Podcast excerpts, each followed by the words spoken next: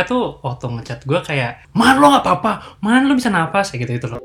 Gue booking tes terus udah terjadi bayar eh, 2,3 aja pak. Mungkin buat gue nggak berbahaya but I could pass the symptoms eh, the, the virus to other people gitu loh.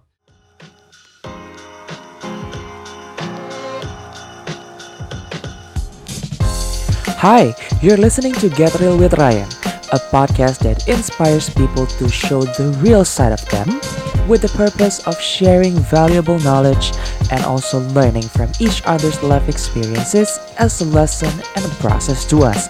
My name is Ryan, and let's get real.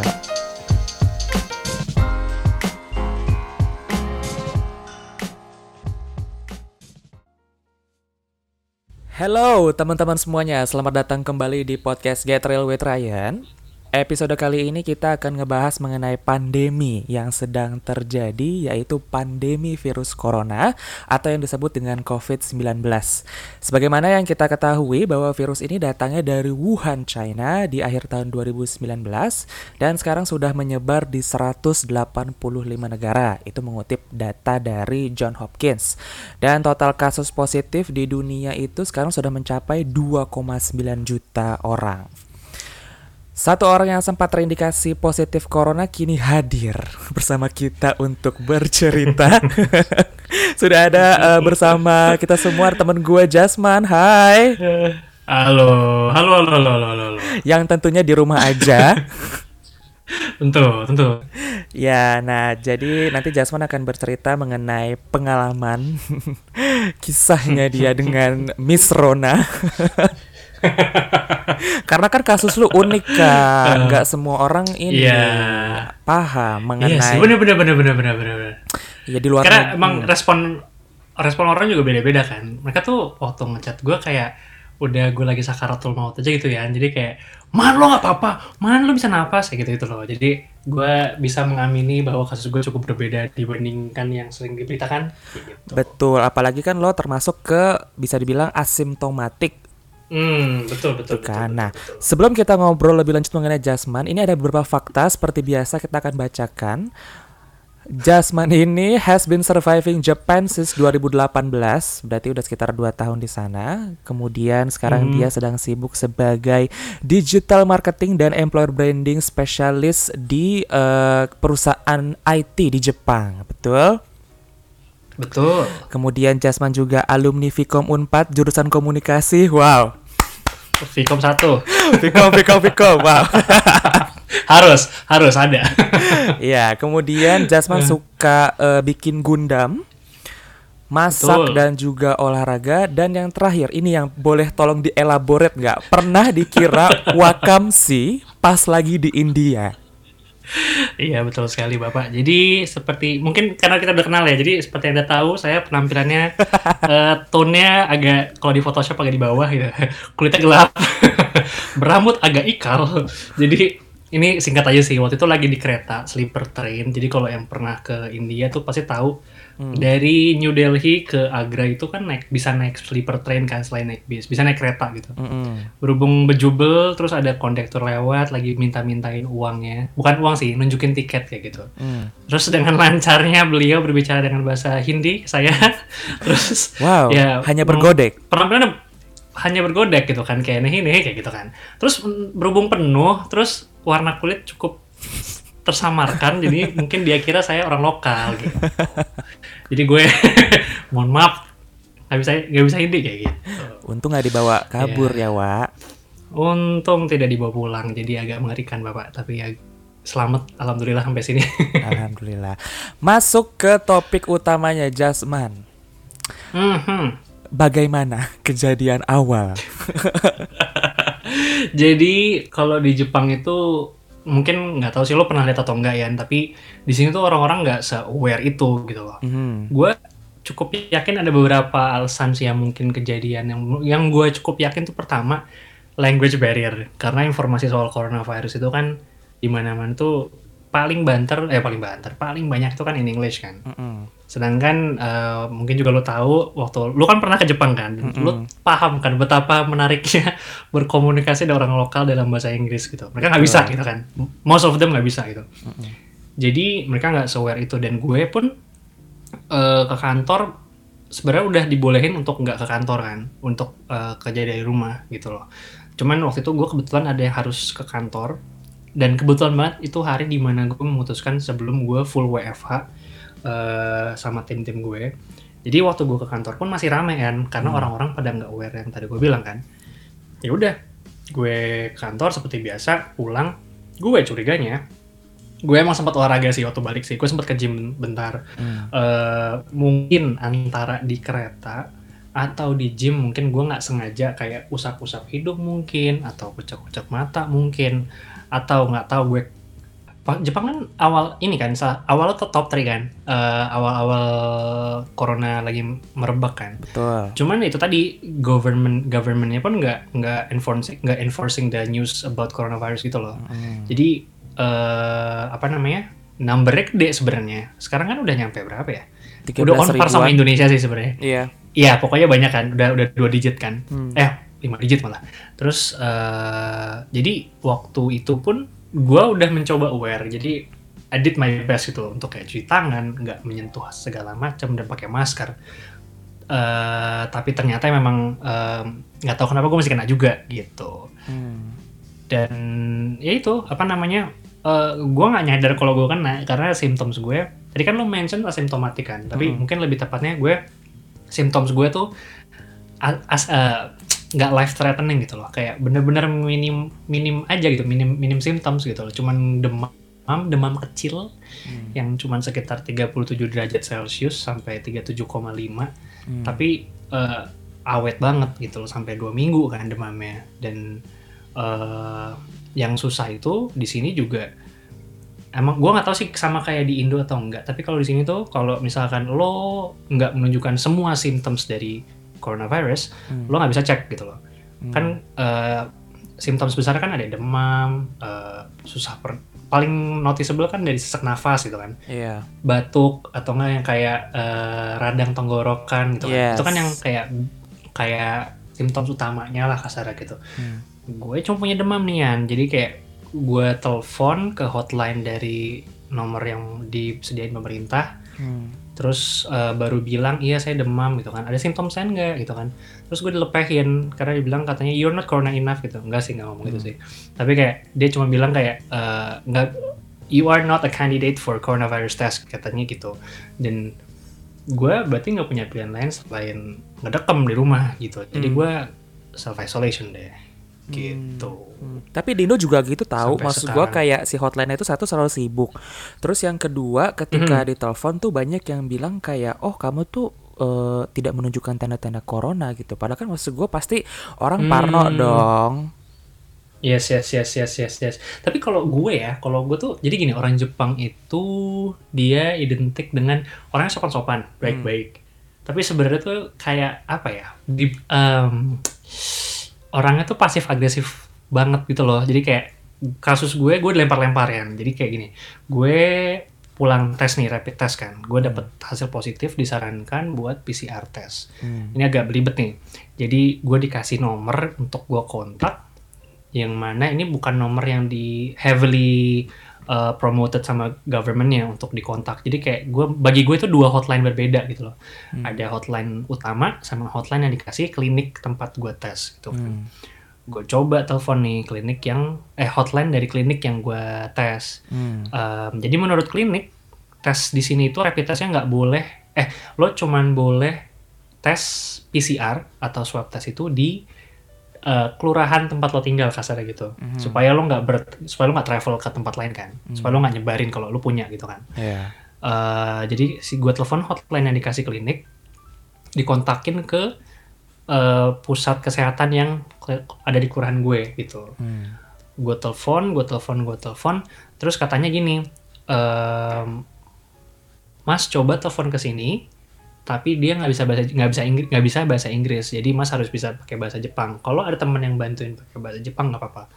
Terus gue kayak oke gitu loh, ini gue sim gue simpen nomor yang harus gue kontak untuk booking sesi PCR-nya gitu loh. Hmm. Nah, terus untuk jaga-jaga, gue kontak juga hotline dari pemerintah gitu kan.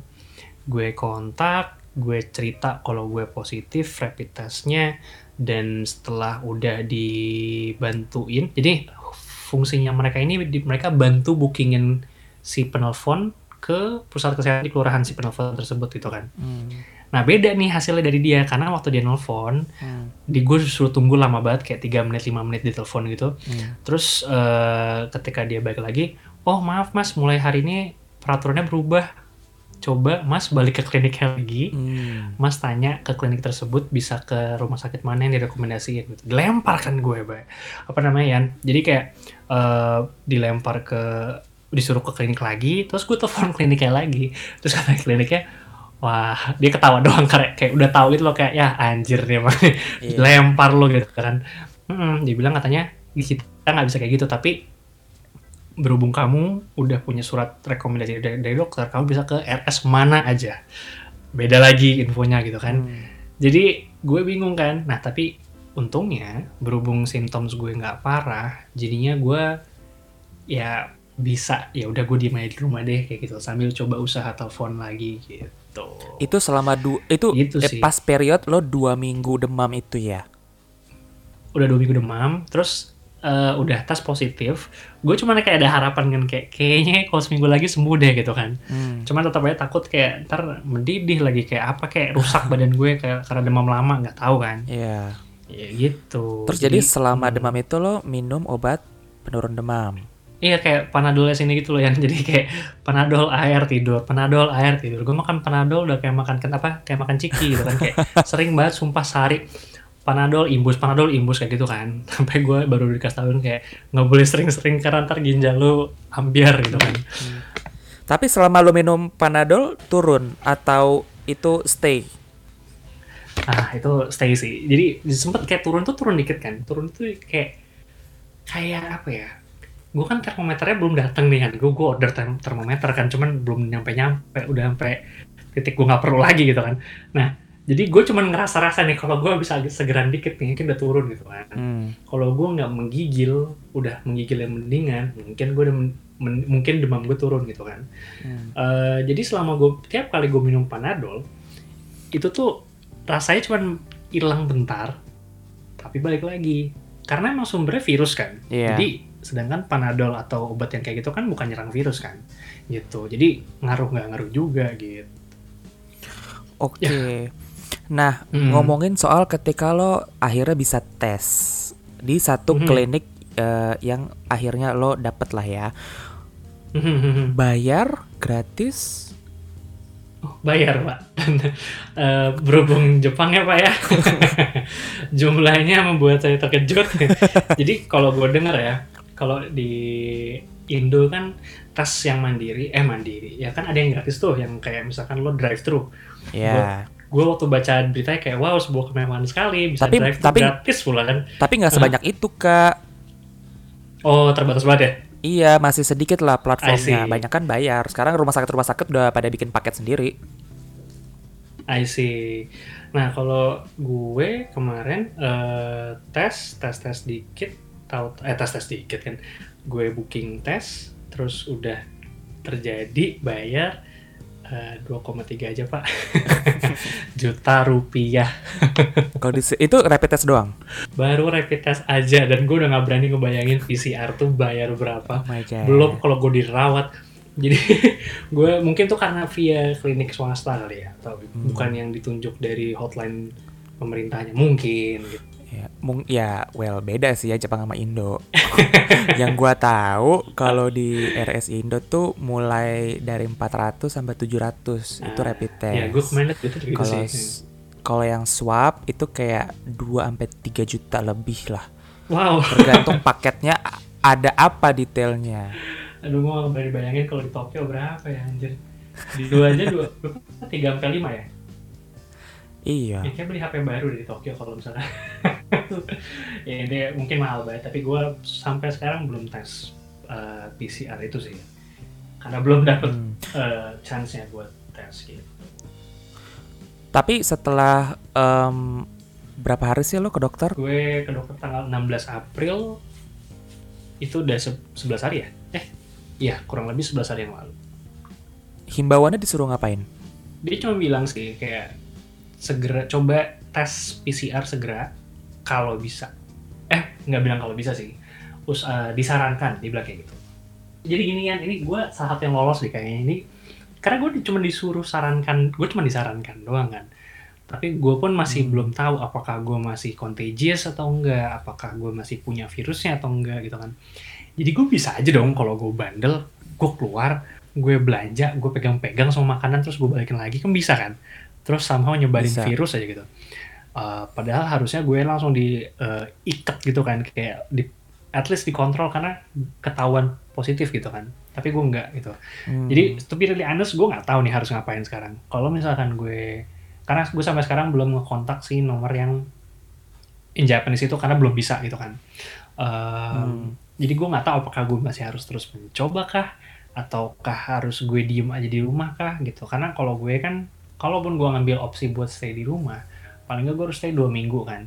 Eh, dari hari gue tes gitu loh which is tanggal 16 April tambah dua minggu dari situ. Just to make sure kalau virusnya udah hilang gitu. Karena emang by konsep virusnya bisa hilang sendiri kan. Karena itu sebuah karena itu virus Hmm. gitu. Dan jadi gue feeling gue sih gue nggak mau eh bukan feeling. Rencana gue sih gue nggak mau ngetes uh, rapid test lagi gitu. Karena it's too freaking damn expensive man. I mean uh, mendingan gue istirahat di rumah aja tidur banyak dan segala macem tapi bisa sembuh gitu gue pun dapat Tapi how do you feel antibiotik sih. sekarang? Apa?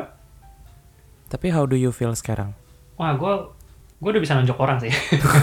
udah seger kan. Eh, udah seger kan. mohon maaf pertanyaan saya siapa yang mau ditonjok kak? Kan sendiri kak. anarkis, anarkis. Untuk tembok. Vandalisme Jadi anda udah- ya. udah udah seger sih gue kan. Jadi kayak gue tuh eh, gue ingat banget waktu gue demam dua minggu itu ya, yang Hmm. gue rasain tuh gue hmm, itu nggak se apa ya hmm, nggak sedestruktif itu buat badan gue, tapi gue ngerasa bahwa gue tuh eh, lemah gitu loh. Eh, gue nggak suka rasanya gitu loh. Terus ketika gue berangsur baik menuju hari-hari menuju gue tes, gue tuh Hmm. udah hilang demamnya, demamnya. Jadi cuma 36 derajat, 3, 36,2 gitu kan. Nah, terus waktu gue udah mendingan tuh gue rasanya cuma menggigil doang ya gitu loh. Cuman kayak dingin aja, dingin yang kayak a little bit too much dinginnya. Jadi tapi gue gue tahu gue nggak demam lagi gitu loh. Karena kadang lu ngetes demam ngetes sendiri lu demam atau enggak dengan ini kan kayak haho haho gitu kan Ya. kayak lu ngetes temperatur dari eh, nafas lo gitu kan Hmm.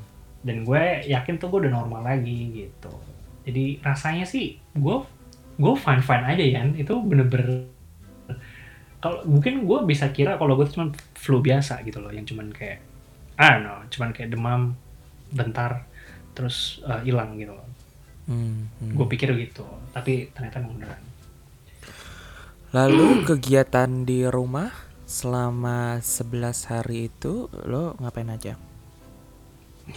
gue berhubung anaknya demen ngedekem ya jadi gue nggak masalah sih sebenarnya jadi gue eh, yang tadi lo mention gue kan suka main Gundam kan Gundam Nah. kan lu ngerakit mainan gitu kan ngerakit sendiri kan Iya. dari eh, robot-robot gitu kan terus gue kebetulan sekarang lagi demen banget main Animal Crossing gitu kan Wow. Terus- Oke. wow terus ditambah gue lagi ngabisin eh, se- series yang belum gue tonton gitu kan Ah. jadi gue lumayan gue sangat menurut gue gue sibuk banget sekarang. Sibuk nonton sibuk main. Jadi gue nggak ada masalah sama sekali gitu loh. Dan pun kantor uh, most of the days kan uh, remote workingnya kan gue masih harus kayak meeting gitu kayak video call. Uh, jadi so far kegiatan gue situ sih. Plus ditambah gue lagi seneng masak.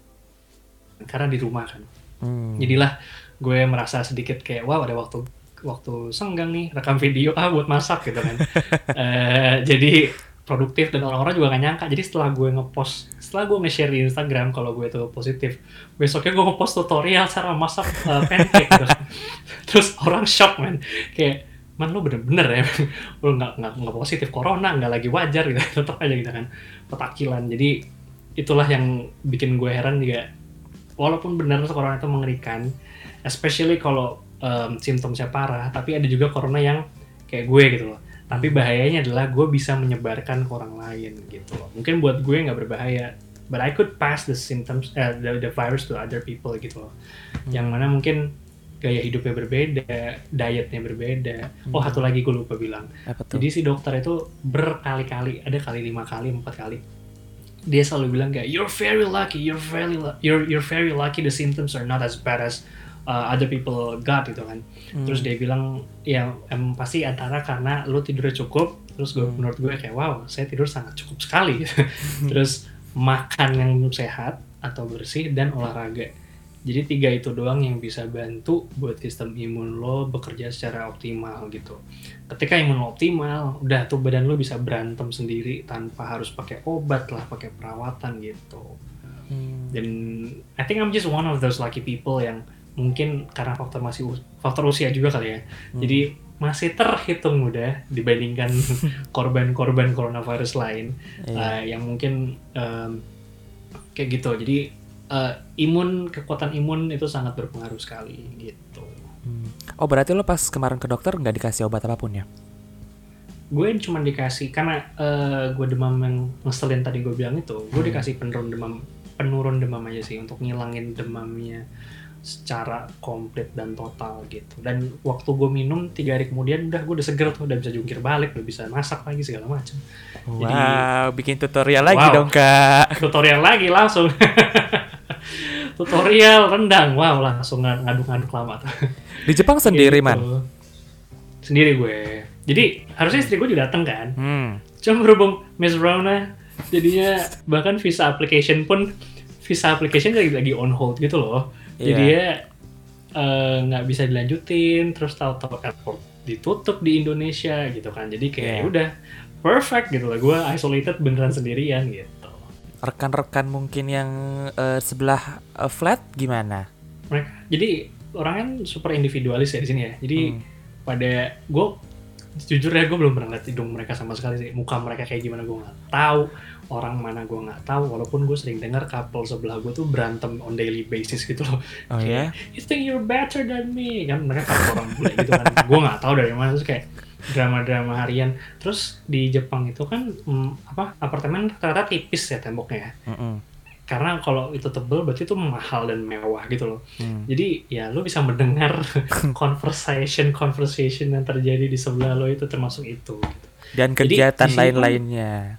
Dan kegiatan lain-lainnya yang mungkin tidak perlu dibahas. gitu ya. Cuman emang yang gue lihat ya mereka cuman eh, jaga-jaga itu mungkin lebih tahap kayak ma- masang masker aja, eh pakai masker aja gitu loh. Yang bener-bener keluar pakai masker terus kayak. Tapi one thing yang gue bener-bener notice dari orang Jepang kan mereka tuh udah notice ini, eh udah practicing ini kan, social distancing dari bertahun-tahun yang berpuluh-puluh tahun yang lalu udah jadi culture kan. Hmm. Jadi mereka tuh menghargai banget yang namanya eh, physical dis apa namanya privacy gitu loh. Hmm. Contoh kayak mereka pakai membungkuk instead of berjabat tangan gitu kan. Hmm. Jadi kalau misalkan eh lo orang Jepang misalkan terus lo ngajak orang Jepang lain berjabat tangan mereka kan bingung kayak eh gitu kan ngapain lo gitu kan. Kan bisa membungkuk gitu. Jadi mungkin karena itu juga mereka eh itu mungkin karena itu juga si Jepang tuh perkembangan virusnya itu nggak sepesat yang lain gitu loh. Jadi Ya. kayak misalkan US yang nomornya wah gila-gilaan, Itali kenapa bisa kayak gitu? Karena mereka punya budaya cipika-cipiki kan. Yes. Eh, terus juga banyak lagi yang physical contact dari negara-negara lain yang berkontribusi untuk menyebar virus gitu loh. Mungkin di Indo karena cium tangan ya kan kita nggak tahu, tahu-tahu virusnya nempel di jidat aja kan, atau nggak kayak nempel di pipi gitu kan nggak tahu kan, gitu. Hmm. Jadi banyak faktornya sih. Ya sih, maksudnya kayak melihat budaya Jepang bisa meminimalisir si virus itu bisa menyebar. Kan apalagi kan juga bersih Betul. banget. Kayak eh, waktu itu, mohon maaf cuy, gue sama Ando aja di kereta agak jauh nih sama orang yang Jepang di sana. Kan gue bacot banget sama Ando kan gue cerita diliatin coy, mohon maaf. Oh pasti pasti itu udah makanan sehari-hari diplototin kayak kursi kosong semua kecuali kursi sebelah saya tidak ada yang mau duduk karena apa? Saya bule. Jadi orang-orang itu kayak iya kayak kalau berisik kalau terlalu deket itu mereka langsung melotot gitu. Langsung kayak nggak nyaman gitu loh. Kayak lu you, you don't get to touch me gitu loh. Kayak Iya. segitunya gitu loh. Langsung kayak di push aku tuh untuk diam. langsung di push. Secara pasif agresif gitu kan.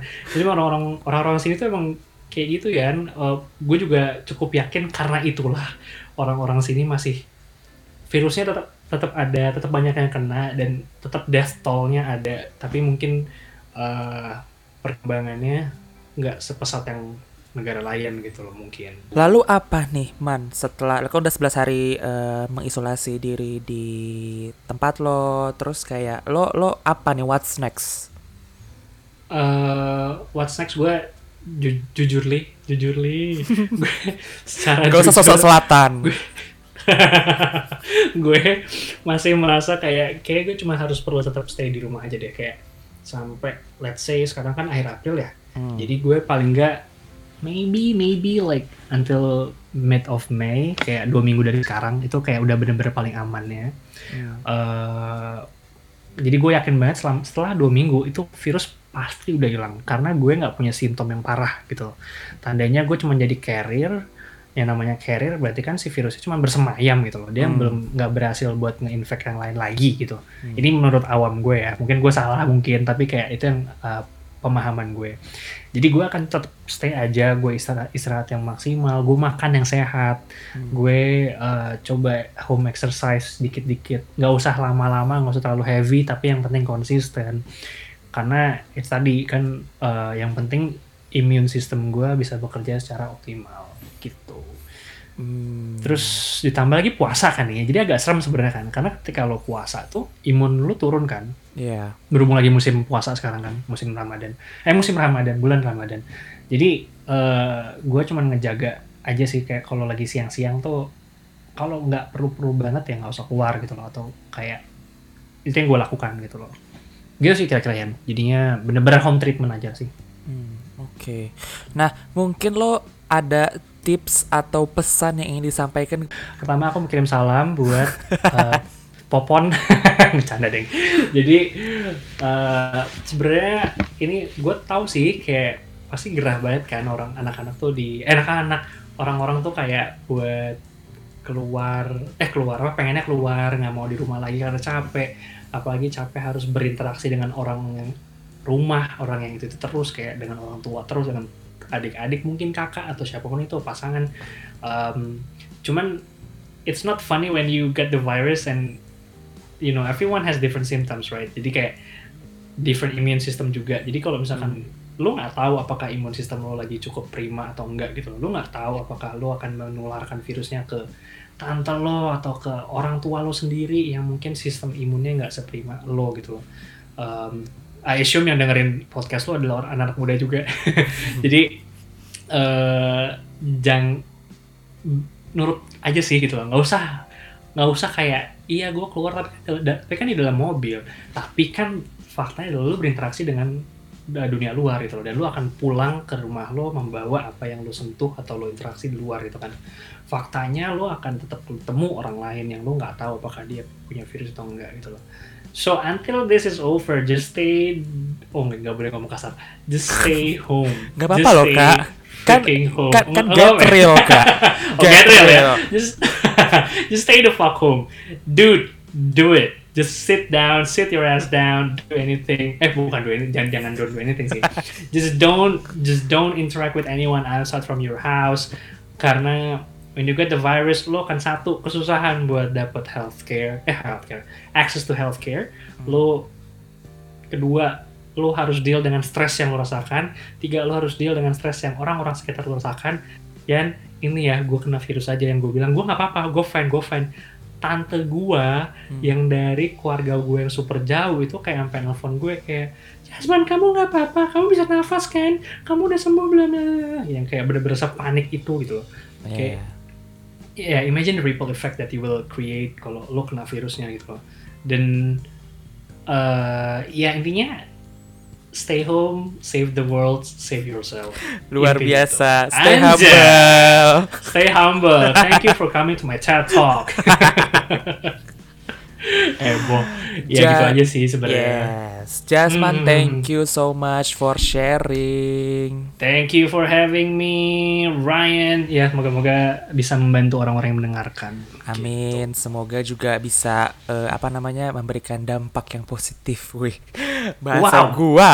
Amen. Memberikan dampak impact. Amin, Yes, amin, amin. amin. Semoga lo cepat sembuh ya, Man. Semoga bisa kembali Amin, beraktivitas. Thank you, thank you. Lu juga sehat-sehat ya di sana, Yan. Yes, terima kasih.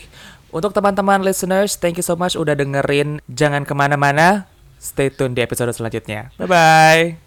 Bye-bye.